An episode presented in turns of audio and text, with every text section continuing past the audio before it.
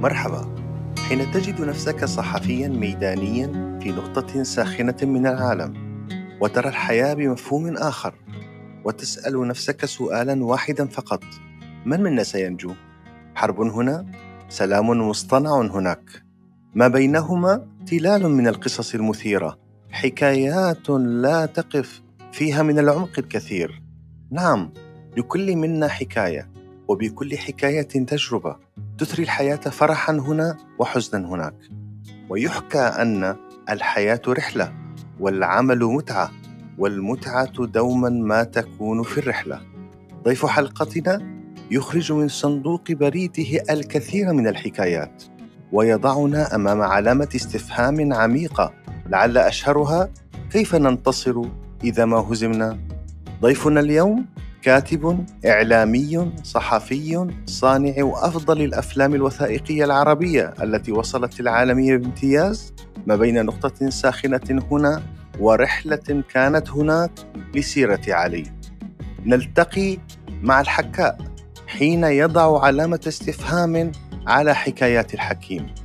دعونا نسأله السؤال الأهم كيف نحكي الحكاية؟ ضيف حلقتنا اليوم الأستاذ أسعد طه. فأهلا بك أستاذ أسعد ونورت قهوتنا. نهارك جميل أستاذ أسعد ونورتنا بوجودك معنا اليوم فأهلا بكم. أشكرك شكرا جزيلا. ده هذا من لطفك يا أستاذ أسامة. الله يعطيك العافية يا رب. آه ما شاء الله عليك أستاذ أسعد. آه أنت تعتبر رائد في قطاع صناعة الأفلام الوثائقية في عالمنا العربي ونقلت باحتراف للعالمية أن يختار الإنسان عمل يحبه ويبني فيه بيئة جاهزة للإبداع. آه كيف بدأت فكرة الأفلام الوثائقية وصناعتها وشو اللي جذبك إلها لتكون هي مهنة خاصة فيك؟ طيب آه، تمام بسم الله. آه، سؤال صعب يا أستاذ أسامة. تبدأ بالأسئلة الصعبة كده؟ آه، نقول بسم الله. خير إن شاء الله. طيب آه، هو أنا أصنف نفسي على إني آه، يعني إنسان فطري شوية. وأسير وراء قلبي يعني أكثر منه حسابات وكذا. فأنا بدأت بالصحافة المكتوبة ثم تدرجت إلى الصحافة المسموعة الراديو. كان لي تجربة بعتبرها لطيفة إلى حد ما كانت مع إذاعة الشرق في في باريس بالعربي طبعا. آه ثم آه بدأت في التلفزيون وكانت آه تقارير إخبارية. وأنا سريع الملل أيضا. فبعد فترة من آه، من التقارير الإخبارية حقيقة حدث أمرين. اولا بدأت أشعر بالملل بعد يعني طبعا عدة سنوات من العمل في الأخبار. والأمر الثاني إني كنت أشعر أن هناك آه، قصص آه، يعني لا تحتملها الأخبار لا تحتمل أن نعلن عنها في الأخبار لأن الأخبار معنية بالخبر الساخن والأحداث اليومية وكذا. وكنت أرى أن هذه الأمور يعني ربما لا يفهمها الناس يعني هناك حكايات لا يفهمها الناس فعلينا أن نحكيها حتى يفهم الناس الخبر. فبدأت يعني يعني آه، أتوجه إلى عمل برامج إذا كان صح هذا التعبير برامج وثائقية برامج تلفزيونية ثم آه، شيئا فشيئا آه، بدأ يستقطبني فكرة الفيلم الوثائقي لأنه يعطيني فترة. آه، يعني كنا بنعمل نص ساعة ساعة 45 دقيقة. آه، تقدر تشرح فيها الفكرة آه، بسهولة وتحكيها بسهولة. وجذبني أكثر مسألة الحكاية. إنه كيف تعرض الفكرة في صورة حكاية؟ باعتبار أن الحكاية هي الشكل المحبب لدى الناس كلهم. فالأمر هكذا صار. لم يسر بحسابات لم يسر ب يعني نعم ب هي نتيجة تجارب يعني. نتيجة تجارب وأنا أسير وراءها لأن هذا الأمر مهم جدا. أنا أقول للناس أو للشباب آه، يعني سيروا وراء آه، قلوبكم. هذا مهم جدا إنك تشعر أنك محتاج تفعل كذا. افعل. محتاج تدخل تجربة جديدة. يعني تدفع بالدم في العروق. ادخل هذه التجربة. حتى لا قدر الله إذا لم يعني آه، تفلح فيها فلا بأس أنت تخرج آه، مستفيد آه، منها. طبعا الفيلم الوثائقي تطور جدا جدا. يعني أنا عندما الآن أشاهد الأعمال التي بدأت بها يعني أحيانا أشعر بالخجل يعني. لكن طبعا أنت تقارن الأعمال بالظروف التي كانت فيها أو التي أنتج فيها. يعني لما بدأنا الأخبار كانت المسألة إنه الناس تشاهد آه، مراسل عربي في منطقة الأحداث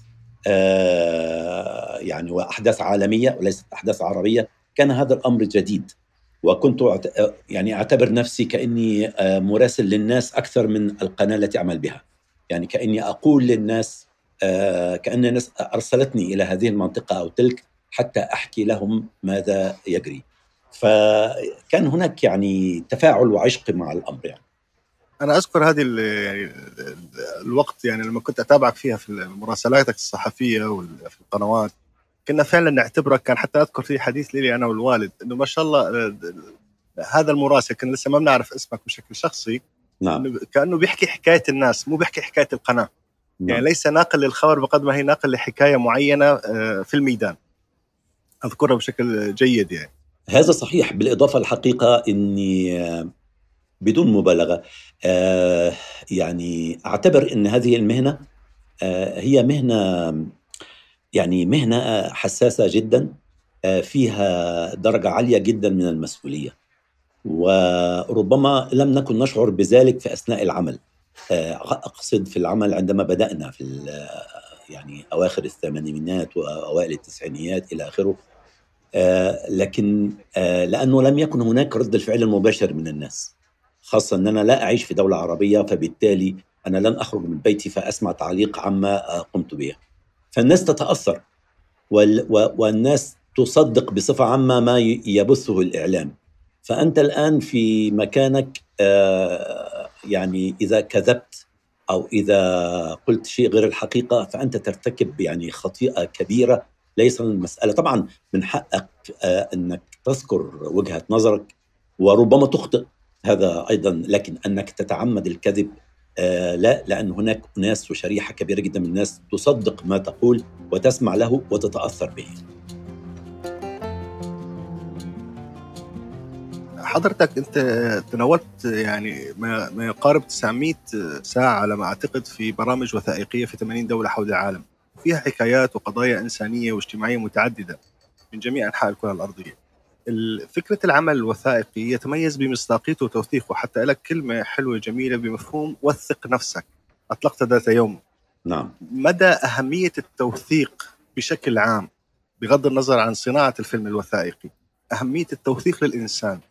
يوثق حياته يوثق الحياة اللي عم بيعيشها آه، البيئة اللي حواليه. مدى أهميتها في في أسلوب الحياة؟ نعم.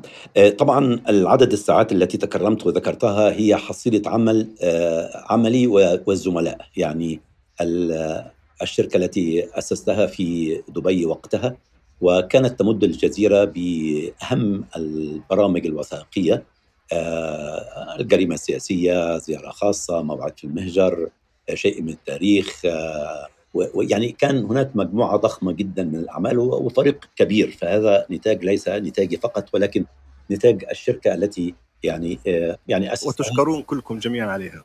الله يبارك فيك. يعني فهذا فضل الله ثم فضل الزملاء الذين اشتغلوا على هذا الأمر بصدق وأيضا آه، فضل الجزيرة التي استقبلت كل هذه الأفكار. الحقيقة أنه أنا وقعت في خطأ كبير في البدايات وهو إني حتى في يعني المناطق التي كنت أذهب إليها كنت لا أوثق نفسي. كنت أعتبر وهذا خطأ إلى حد ما كنت أعتبر اني أنا لست البطل. هذا صح أنا لست البطل في الحكاية. البطل الحدث البطل الشخص اللي إحنا رايحين نصوره البطل الناس اللي رايحين نعمل معاها مقابلات. كل هذا الأمر نعم مش أنا مش أنا النجم أنا مش المغني أو كذا. هذا صحيح. ولكن آه هذا في وقتها.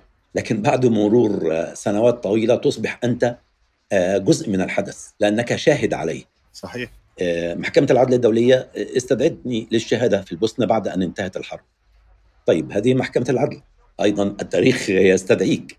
فأنا كنت يعني لا أعرف يعني تواضعا ولا غباء ولا لكن كنت لا لا حتى صور شخصية يعني كانوا الزملاء يقولون لي يعني طب نتصور هنا صور نفسك هنا يعني. فكنت طبعا لم تكن هناك التقنية الموجودة الآن والموبايلات والكلام ده كله لكن طبعا كان معنا كاميرات فوتوغرافية. صحيح. فضلا عن. لكن كنت أتعمد ذلك. لذلك الآن أنا أدعو إلى ذلك بشدة لأنه هذا مهم جدا. التوثيق آه، بغض النظر كما تكرمت أنت يا أستاذ أسامة قلت بغض النظر إحنا حنطلعه فيلم وثائقي. حنطلعه صورة لأن الناس تقول أنا مش مش لازم تكون حتى في المهنة كلها. لكن الحقيقة الآن بالذات في عصر الأحداث الكبيرة التي تعصف آه، بالعالم العربي تحديدا وبالعالم كله من المهم أن آه، تسجل. يعني أنا لا أتخيل الشاب الذي هرب أو لجأ أو سافر أو أي شيء من مناطق النزاعات والحرب في بلاده إلى منطقة أخرى آمنة.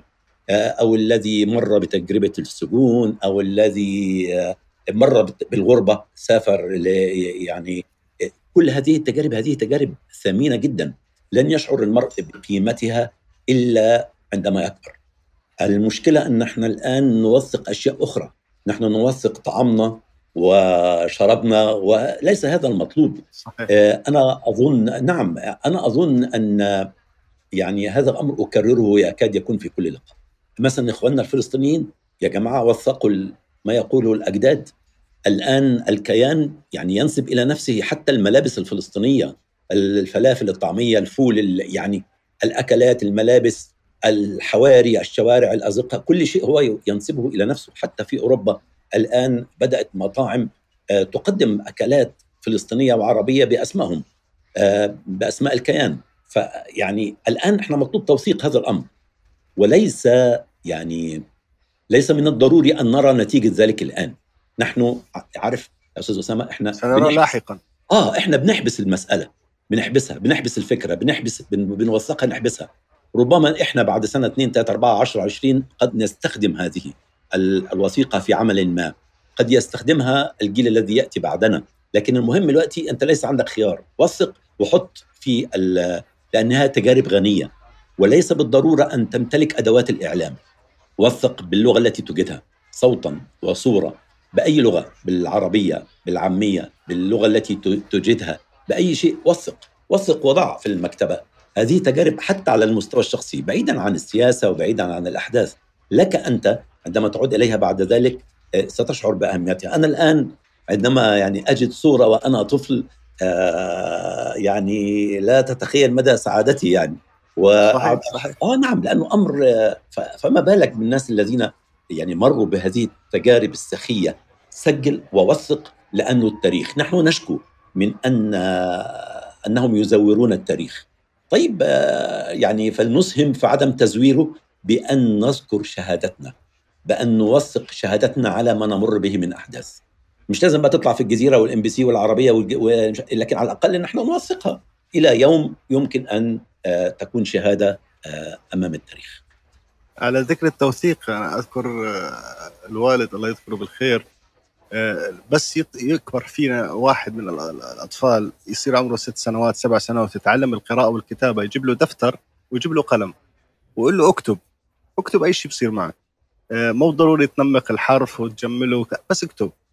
فكل واحد فينا نحن من أنا وأخوتي أخوتي عنده دفاتر مذكرات فيها كتابة وتعلمنا الكتابة من وراء هذا الموضوع. طبعا هو فعل فيكم خيرا كبيرا. نعم. فموضوع التوثيق حقيقة وكل ما بقرا أنا برجع لدفاتر مذكرات قديمة أضحك عليها أبتسم أتذكر مواقف آه، مناسبات أحداث آلام جروح معينة تحصل في حياتنا. ففيها سعادة برغم الجرح برغم الموقف برغم أي شيء آخر. ده ده صحيح ده ده صحيح. وأنا أعيد التأكيد على إنه لأنه أحيانا كنت عندما أقول ذلك كان البعض بيسألني يقول لي إحنا مش مش مش متمرسين يعني مش بنمارس المهنة. مش مطلوب منك يعني مش مطلوب تكتب شهادتك آه، كصحفي أو ككاتب أو كإعلامي. اكتب أنت ك اكتبها كمصداقية آه كما هي.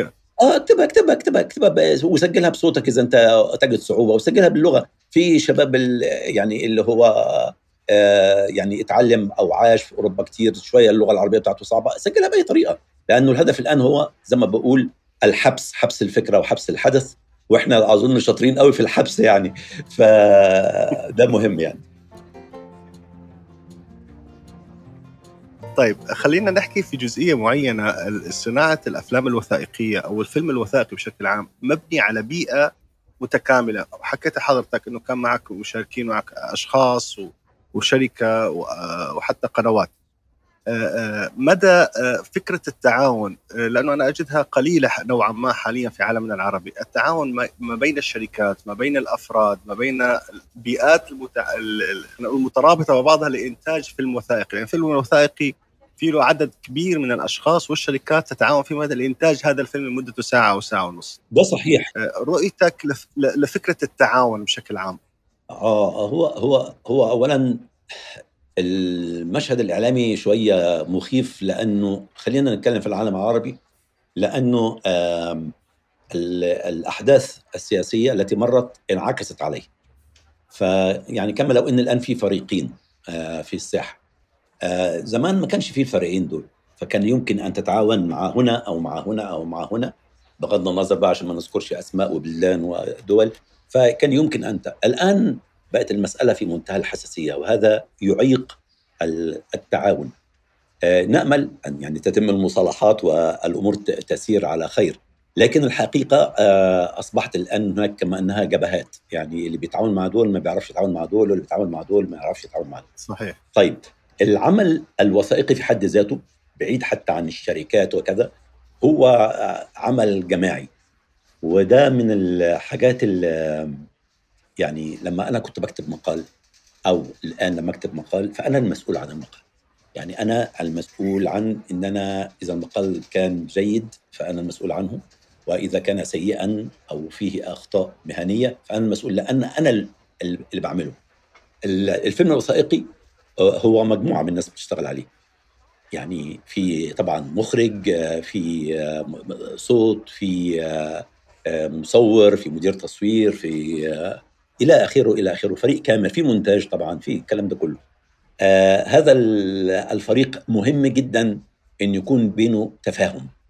آه يعني كلما قل التفاهم كلما قلت جودة العمل. لأنه الحقيقة يعني ما نقدرش نقول مثلا إيه الصورة أهم حاجة.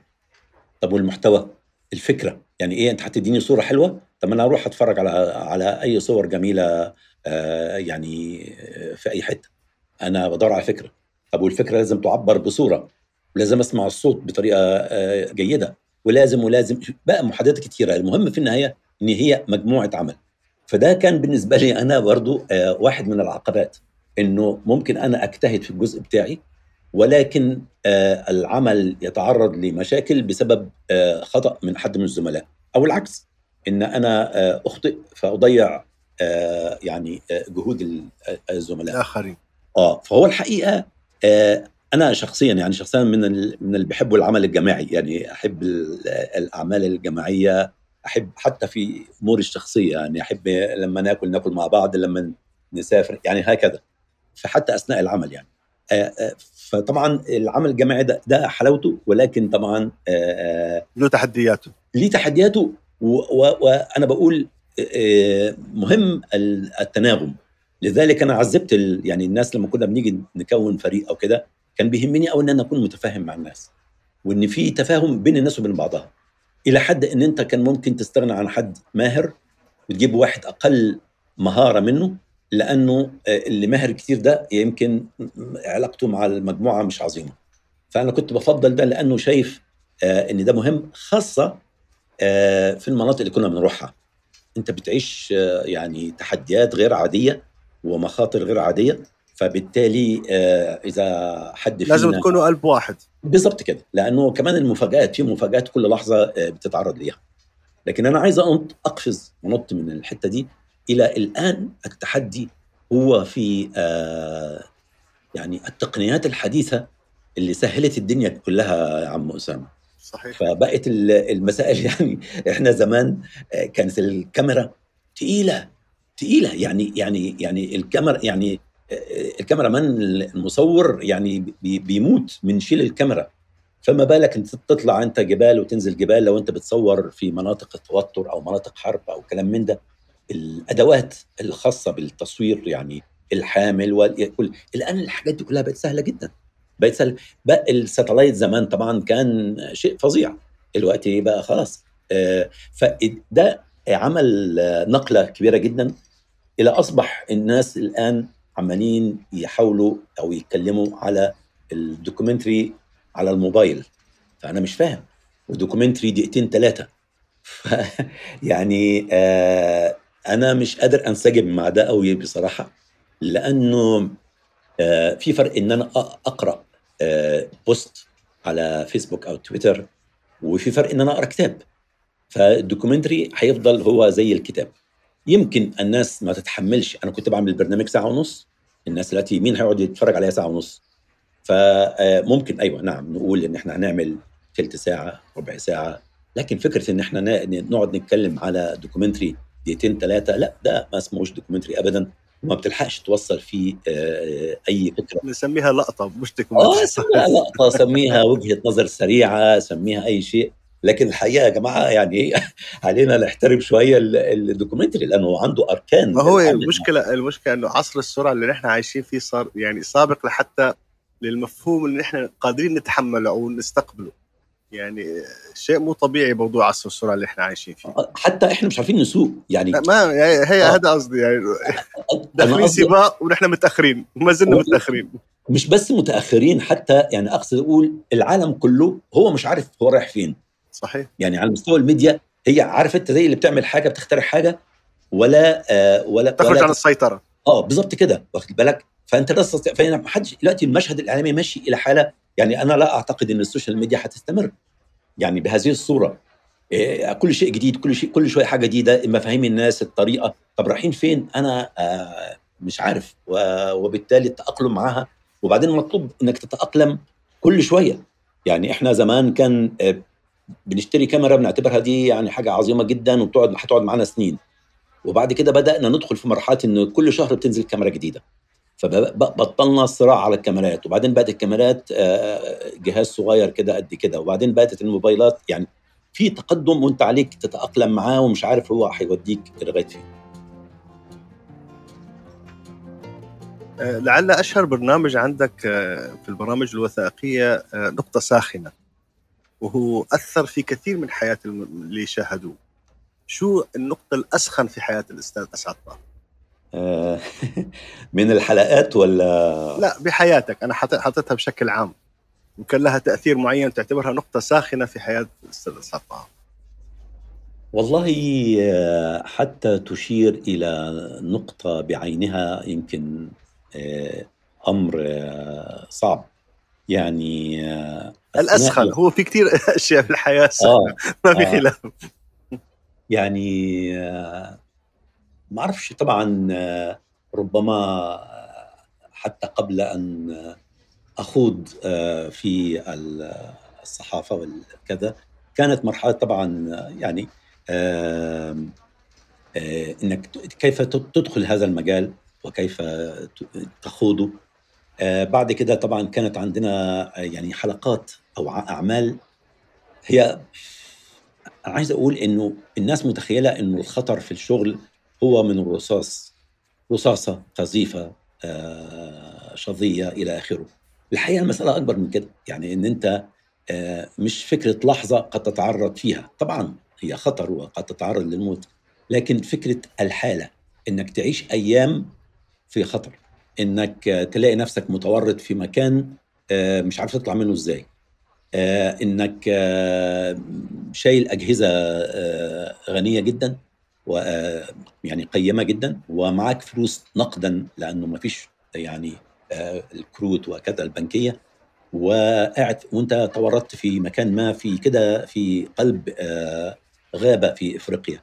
أو إنك آه، بتستقل طائرة عسكرية كلها جنود في الحرب في الكونغو كلها ميليشيات. ومعك زميلتك بروديوسر فرنسيه آه وبيطلع القائد فبيرى بيراها فيبتدي آه يتحرش وأنت فوق في الطيارة. وكل الجنود طبعا يعني لو هو حب يقتلنا يعمل فينا أي شيء هو هيعمل فينا كلنا. يعني ما حدش يمنعه. طب أنت تعمل إيه؟ يعني آه يعني هذا كان من المواقف الحقيقة اللي يعني كانت صعبة واللي حلت بطريقة لا تتخيلها أستاذ أسامة. إن إحنا كنا فوق في الطيارة والبنت آه يعني هي حكاية كده مش عارف هطول عليك ولا لأ لكن لا لا خد راحتك خد راحتك. آه هي البنت طبعا أنت عارف بقى الجماعة هي طبعا الآن تشغل منصب مهم في الأمم المتحدة وكده لكن كانت يعني كنت أنا بالطريقة العربية أنا طبعا كان كنا كذا واحد يعني فبس هي كانت هي البنت الوحيدة اللي معانا. فبالطريقة العربية أنت بتحس إن بالمسؤولية تجاهها فبتقعد تقول لها خدي بالك من كذا ما خديش بالك من كذا. فطبعا هي بالطريقة يعني قالت لي لا أنت مالك؟ أنا أتحمل مسؤوليتي. فسبتها. فلما طلعنا الطيارة وبدأ الراجل يعني يستعرض أمامها ويعني يعني أنت بترى في عيونه إنه خلاص بقى مجنون. فهي كانت إحنا الطائرة ليست يعني طائرة عسكرية زي طائرة شحن عسكرية. فنحن مش قاعدين زي الكراسي العادية قاعدين ظهرنا لهيكل الطائرة. فهي كانت قدامي. فلما بدأ الراجل يعمل كده هي قامت قفزت من مكانها جت جنبي.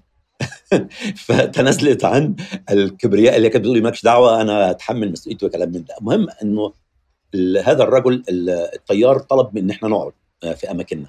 فالراجل ده قعد. سبحان الله نام. لم يستيقظ إلا والطائرة تهبط رغم أن الطائرة تعرضت في الجو إلى مطب هوائي خلى الجنود اللي معانا هم كلهم جنود اللي معانا جنود مقاتلين شرسين يصرخوا.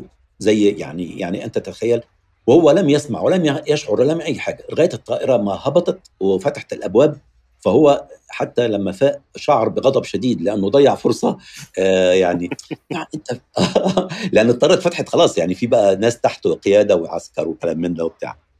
المرة الثانية الحقيقة كانت آه فوق آه جبل إجمن.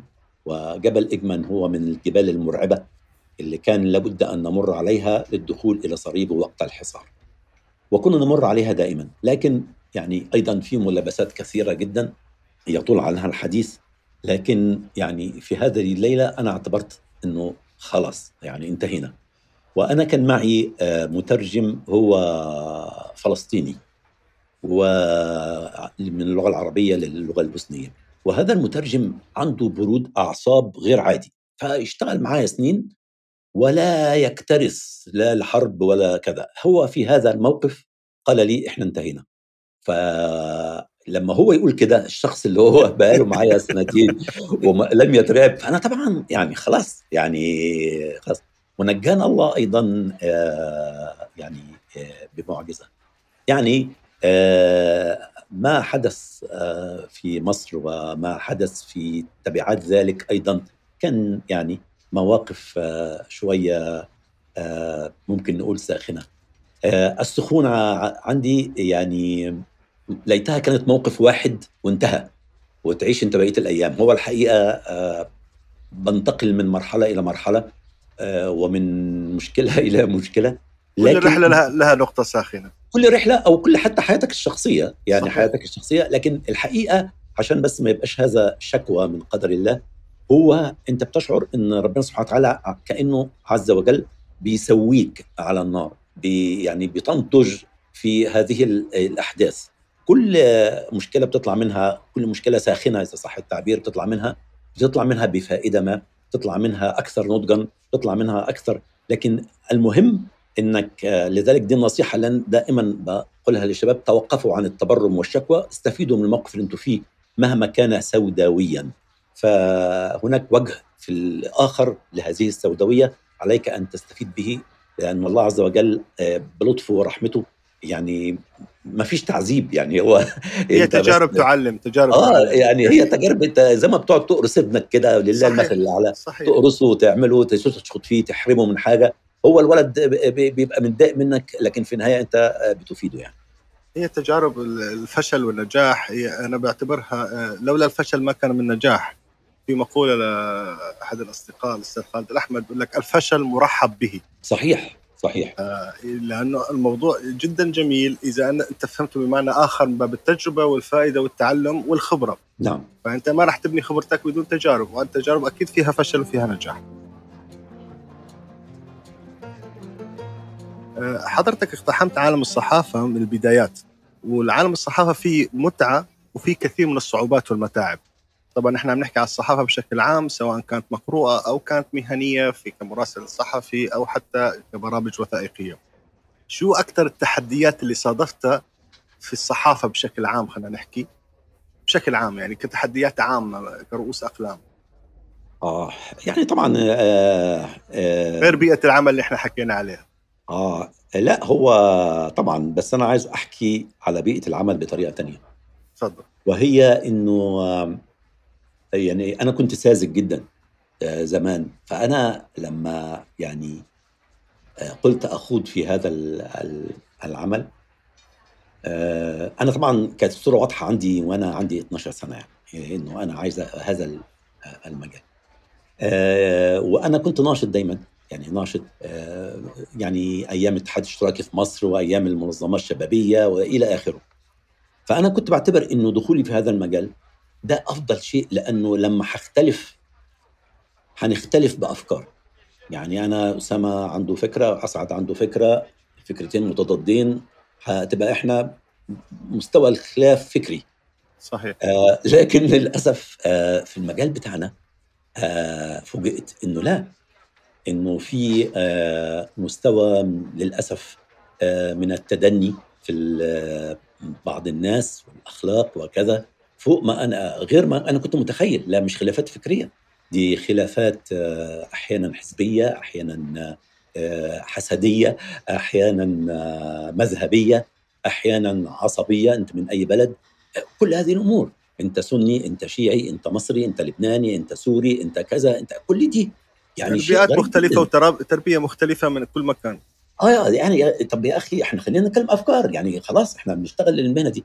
الأمر الثاني إن الناس أمام الكاميرا سواء كانوا إعلاميين أو آه كانوا آه من الضيوف حتى السياسيين هم أمام الكاميرا شيء ووراء الكاميرا شيء ثاني أمام الكاميرا المناضل الكذا كذا لكن ورا الكاميرا شيء ثاني فده برضو كان بيعمل لي يعني آه انفصام.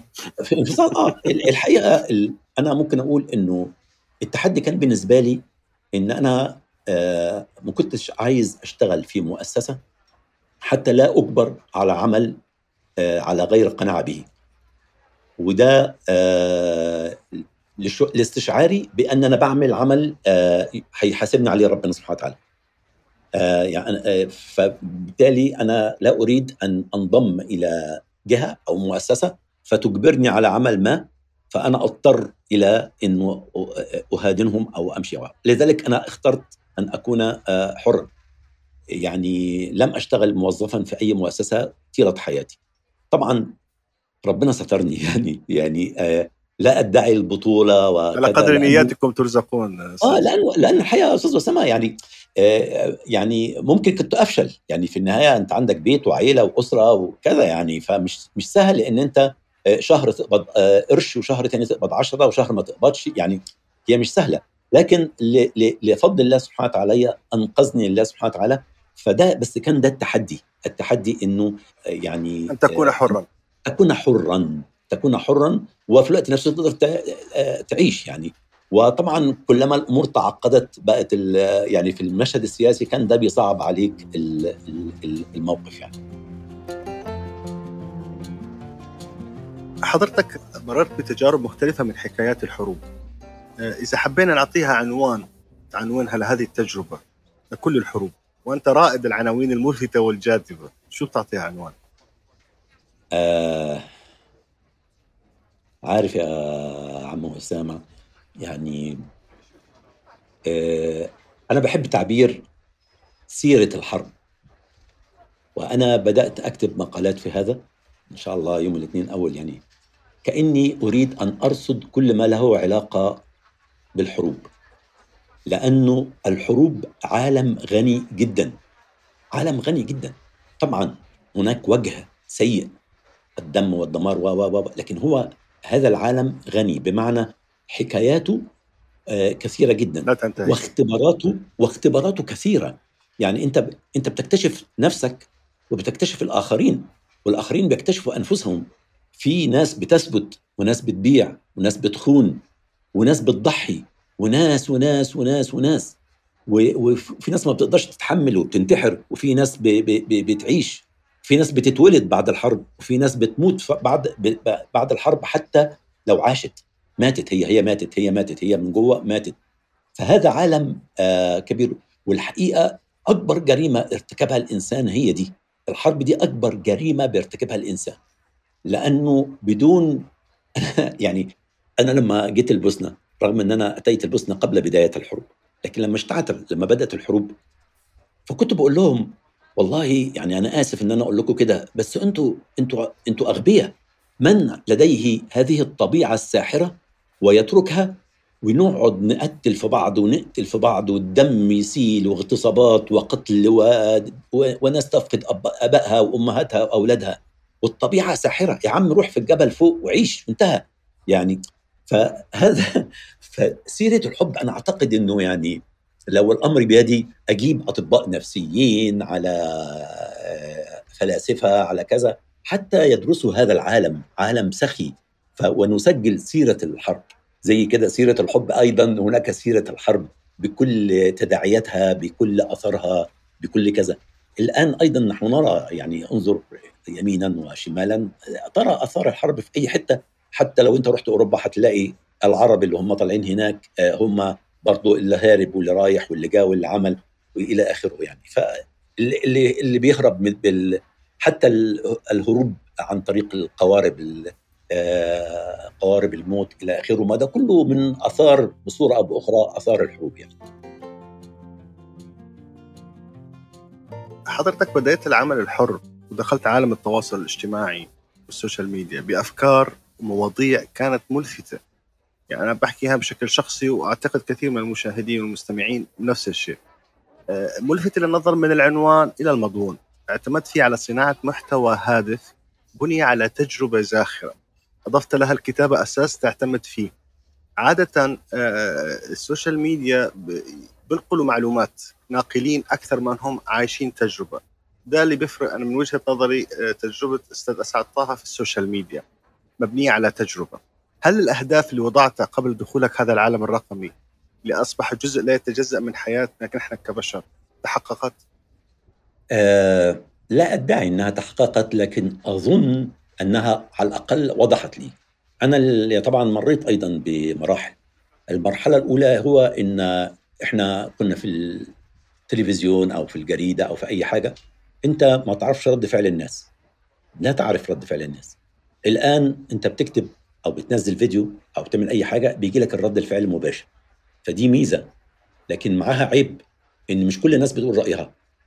أولا في ناس قد ترى اللي أنت بتعمله ده جيد جدا لكن هي لا تخبرك. واخد بالك؟ مع إن إحنا محتاجين. مش لازم تقول لي أنت مبدع وعظيم ورائع والكلام ده كله. المتلقي الصامت. آه المتلقي الصامت ده اللي هو إيه لما أنت بتقف بيقول لك أنت وقفت ليه؟ ده كان مفيد. طب ما يا عم قول لي حاجة. يعني قول لي قول لي إن ده بس مفيد. أنا مش عايزك تمدحني ولا كذا. آه في طبعا الشريحة اللي هي وظيفتها تشتم. يعني وظيفتها اللجان وغيره وظيفتها تشتم. طبعا أنا كنت في البداية بتأثر جدا. يعني لما اتشتمت أول مرة كنت يعني في حالة وحشة. الآن لو مر يوم من غير ما اتشتم ببقى في حاله وحشه لأنه خلاص بقيت عارف الناس يعني إنه اللي بيشتم هو مش حد مختلف معاك فكريا هو حد يعني آه، المختلف معاك فكريا بيقول لك بيقول لك يا عم أسعد يا أستاذ أسعد يا أخ أسعد أي حاجة آه، أنت أخطأت في كذا وبتتقال لي وبحترمها آه، لأنه اختلف رايي ف لكن كان التحدي هو وما زال يا أستاذ أسامة هو إزاي تقدم محتوى هادف. هو دلوقتي وظيفتي. آه، أو التحدي بتاعي. تقدم محتوى هادف وفي الوقت نفسه ما عندكش إمكانيات مادية. يعني أنت عشان يكون عندك عائد مادي لازم شوية تكون حاجة من اتنين. يا إما تقدم محتوى تافه يا إما تؤدي نوع من الكوميديا آه، السياسية الساخرة. اللي انت بتشتم فيها الرئيس والملك والمش عارف إيه وكلام من ده وتقعد تشتم تشتم تشتم فيجي لك ناس أو جهات بتحب هي الحاجات دي.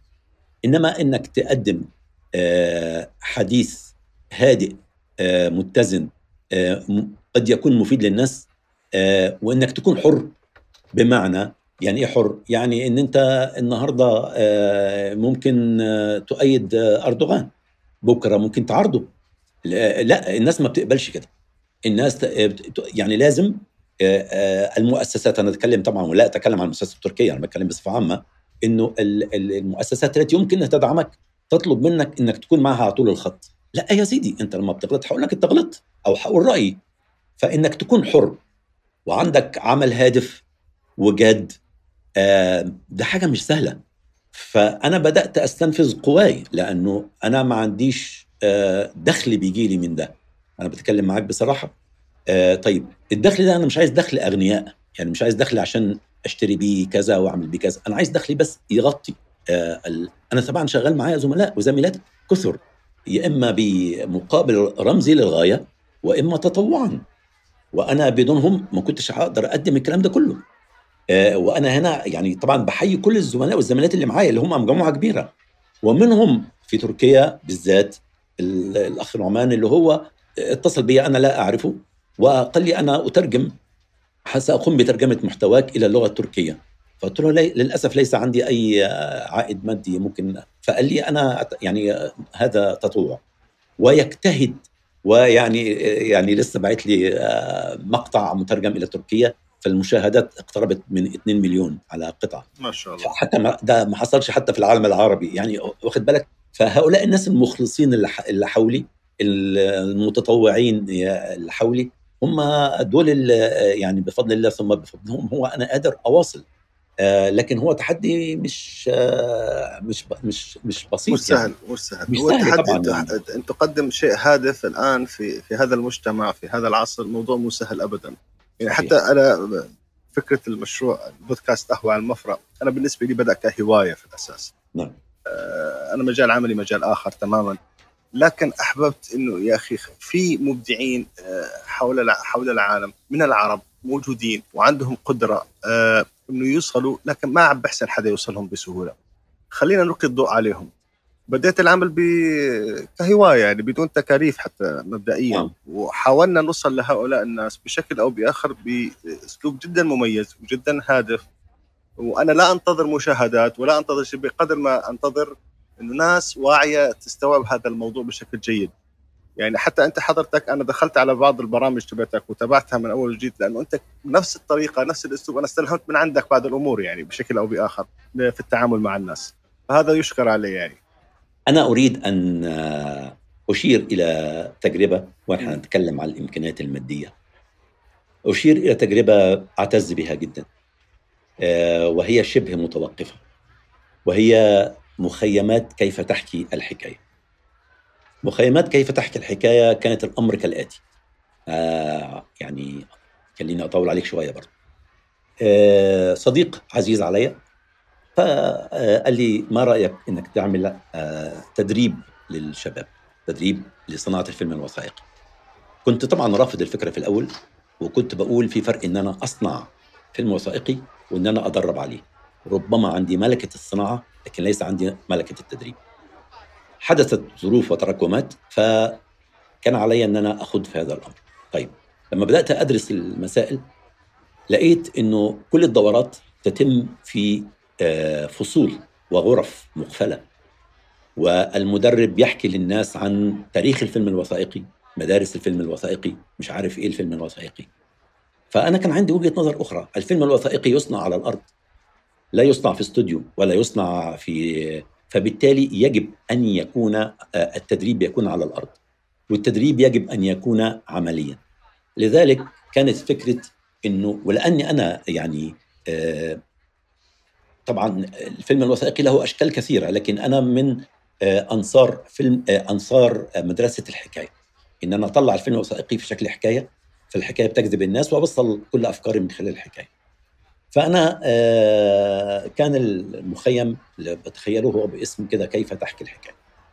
إن الناس بتيجي الشباب العرب أولاد وبنات بنقعد مع بعض حوالي أسبوعين في بلد ما ينزلوا طبعا في قسط أو جزء صغير نظري لكن في معايشة كاملة تبتدي من سبعة صباحا تنتهي حتى عشرة مساء. طبعا في أوقات غدا وأكل وراحة وكده.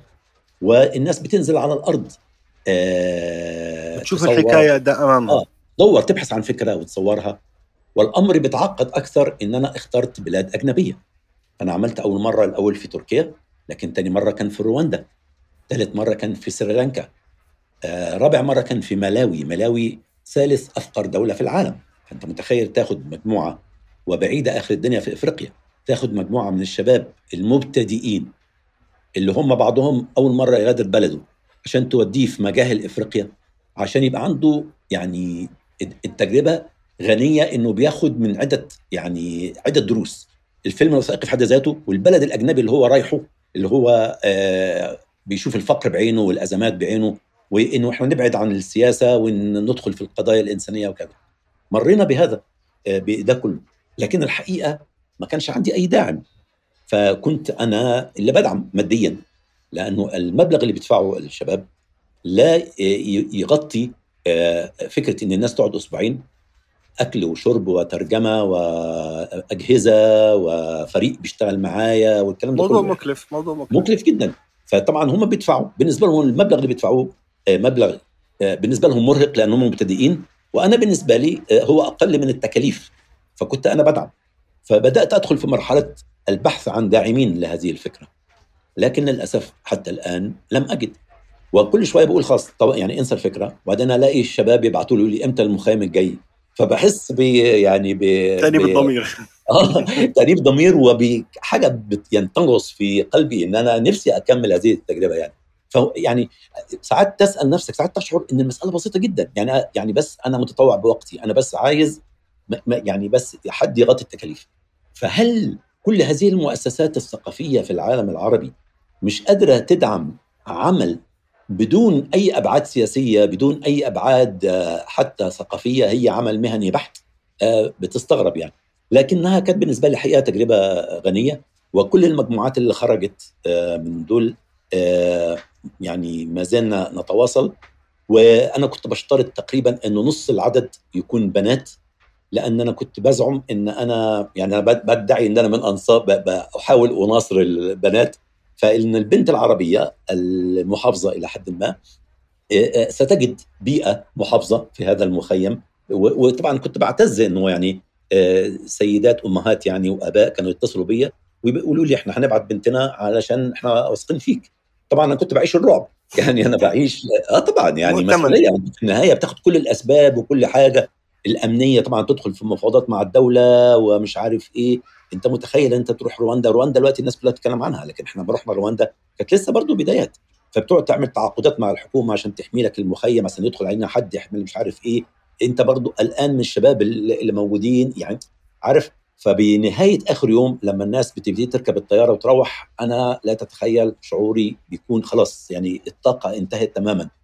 ف لكن كانت تجربة غنية يعني لما بشوف دلوقتي الشباب دول سواء اللي امتهن العمل أو حتى الذي لم يمتهن لكن أفادته التجربة بشعر إنها قيمة أو عمل يستحق يعني التجربة. حضرتك في التعريف عنك بشكل عام في منصات التواصل الاجتماعي قلت يوما أسافر إلى المناطق الرمادية في التاريخ والجغرافيا ثم أعود فأحكيها حكايه. نعم. أعتقد هذه الجملة نحن آه، تغلغلنا فيها كثيرا.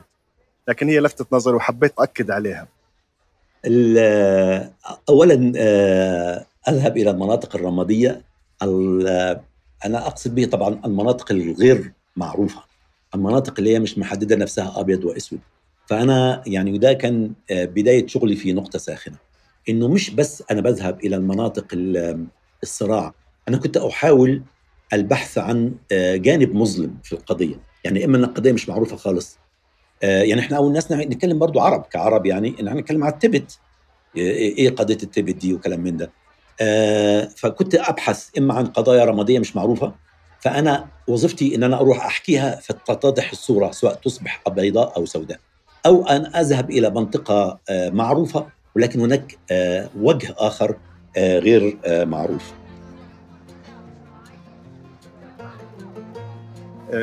السفر والغربة من الترحل حتى الهجرة. تاثيرها على المحور الشخصي والمهني الاستاذ سعد واضحة في حياته. لكن في عندك كلمات في في بعض التغريدات أو بعض البرامج مثل لماذا يجب أن نموت؟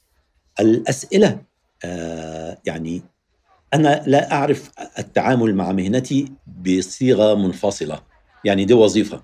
أصحى الصبح كده وأغسل سناني وبتاع يلا هبتدي أشتغل الوظيفة. أنا ما أعرفش. أنا بستنى أول تغريدة أنت بتغردها دائما لا بتكون ملفتة للرصد. آه يعني أنا لما بسأل هو أنا بسأل نفسي يعني هو السؤال يعني كان بوجهه لنفسي وبعدين ببتدي آه، أفكر فيه وبعدين أكتب عنه فهي آه، يعني مش بدور على فاهم قصدي يا أستاذ أسامة مش بدور على إيه الموضوع اللي ماشي اليومين دول هل وجدت الإجابة ولا لا؟ هو هو لماذا يجب أن نموت؟ لأنه الحقيقة يعني برضه زي ما قلنا كده ده موضوع طويل ممكن المتلقي يعني يتكرم ويدخل على المقال لكن آه في حاجة انت ما بتكتشفهاش رغم بديهياتها لأن شيء بديهي إلا بعد سنين طويلة من عمرك. هي إن الدنيا ليست آه يعني مش دار صالحة للحياة.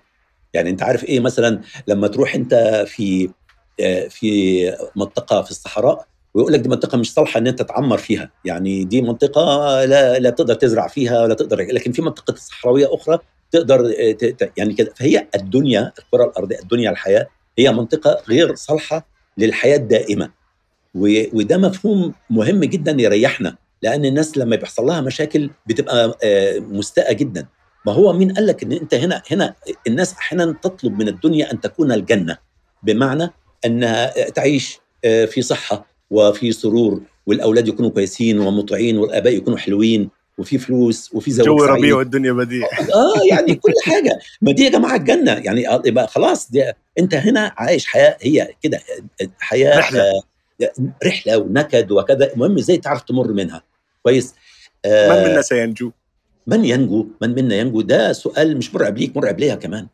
لأنه الحقيقة يا عم أسامة مش عارف أنا بقول عم أسامة ده بيريحك ولا بيضايقك؟ لا خذ راحتك. يعني أنا أنت يحق لك ما يحق لغيرك ما تاخذ الله يبارك فيك لا أنا أنا أقولها للي اشعر معه بي يعني بالود. بي بالود يعني. الله يبارك آه مسألة خطيرة جدا. لأنه آه أنا وجدت ناس من اللي أنا بظن أنهم أفضل مني كثيرا فكرا ويعني علاقة مع مع الرب وكذا وكذا يتساقطون.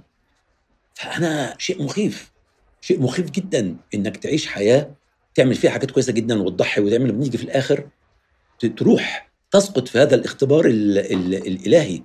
فشيء مرعب. أنت التحولات أنت بتشوف تحولات في المجتمع من ناس لا يمكن كان تتخيل إن هم يتحولوا صحيح. ف يعني والعالم الآن يسير العالم كله مش العالم العربي يسير في يعني في مأزق شديد. الآن سرعة أداء غير عادية سرعة مفاهيم غريبة. يعني يكاد الآن أوروبا اللي مش هيعترف بالمثلية وكذا هيعاقب قانونا.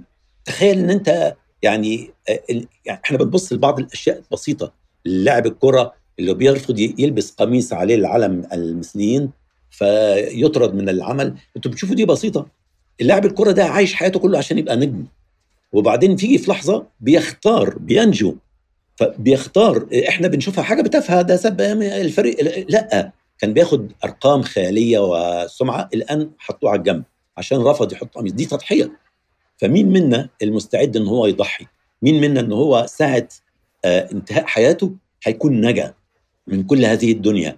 النجاة ليست فقط حتى في الجنة والنار النجاة في الدنيا كمان. إنك تكون آه سليم. قلبك سليم إن ما يكونش عندك عقد النفسية إن ما يكونش عندك أمراض نفسية ده ده إنك تعيش كده في أمان مش إنك تصلي وتصوم وتعمل والحاجات دي كلها وخلاص وبعدين أنت في النهاية كل كل حياة الواحد عقد ومشاكل. لا ده أنت عارف أنت بتعمل إيه وبتدفع الثمن ومبسوط وأنت بتدفع الثمن ولذلك أنا بقول إنه الحرب بتقتل كل الناس كل الناس بيموتوا في الحرب. حتى اللي بيطلعوا يعني بتقتلهم أو بتقتل حاجة فيهم. اللي بينجو من الحرب دي مش اللي اللي يفضل عايش اللي يقدر يتغلب على آثار الحرب. صحيح. ده نقطة مهمة جدا جدا وهي توضح فكرتي. صحيح. لأنه في ناس تطلع من الحرب خلاص مكسورة انتهت انهزمت. عايش هو جسمه سليم تماما بس هو انهزم. وفي ناس بتطلع لا أقوى وأفضل وخدت الدرس واستفادت وعملت. فالله أعلم من منا سينجو. الله يرحمنا برحمته أهم شيء. آمين يا رب. أه الحديث معك يطول وأنا بدي أخذ منك وعد للقاء آخر لأنه في لسه في أمور ثانية كثير حابين نناقشها ونحكي فيها.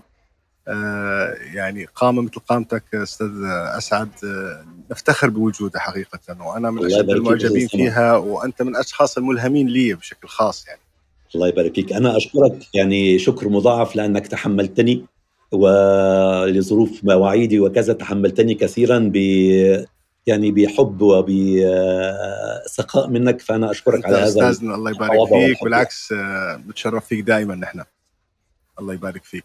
آه، شكرا كثير على هذا اللقاء وأخذنا منك وعد إن شاء الله بلقاء آخر بإذن الله قريبا بإذن الله تعالى. شكرا لكم على وقتكم الثمين معنا وشكرا لأستاذي المبدع أسعد طه. رائد الإعلام الميداني والأفلام الوثائقية وإثرائه لنا بحكايات لا تنتهي من تجربة مميزة مثيرة. والشكر موصول للراعي الرسمي لهذه الحلقة مجموعة بي إم ماركت للاستثمار والتسويق الدولي. كان معنا في الهندسة الصوتية بهيرة سحلول.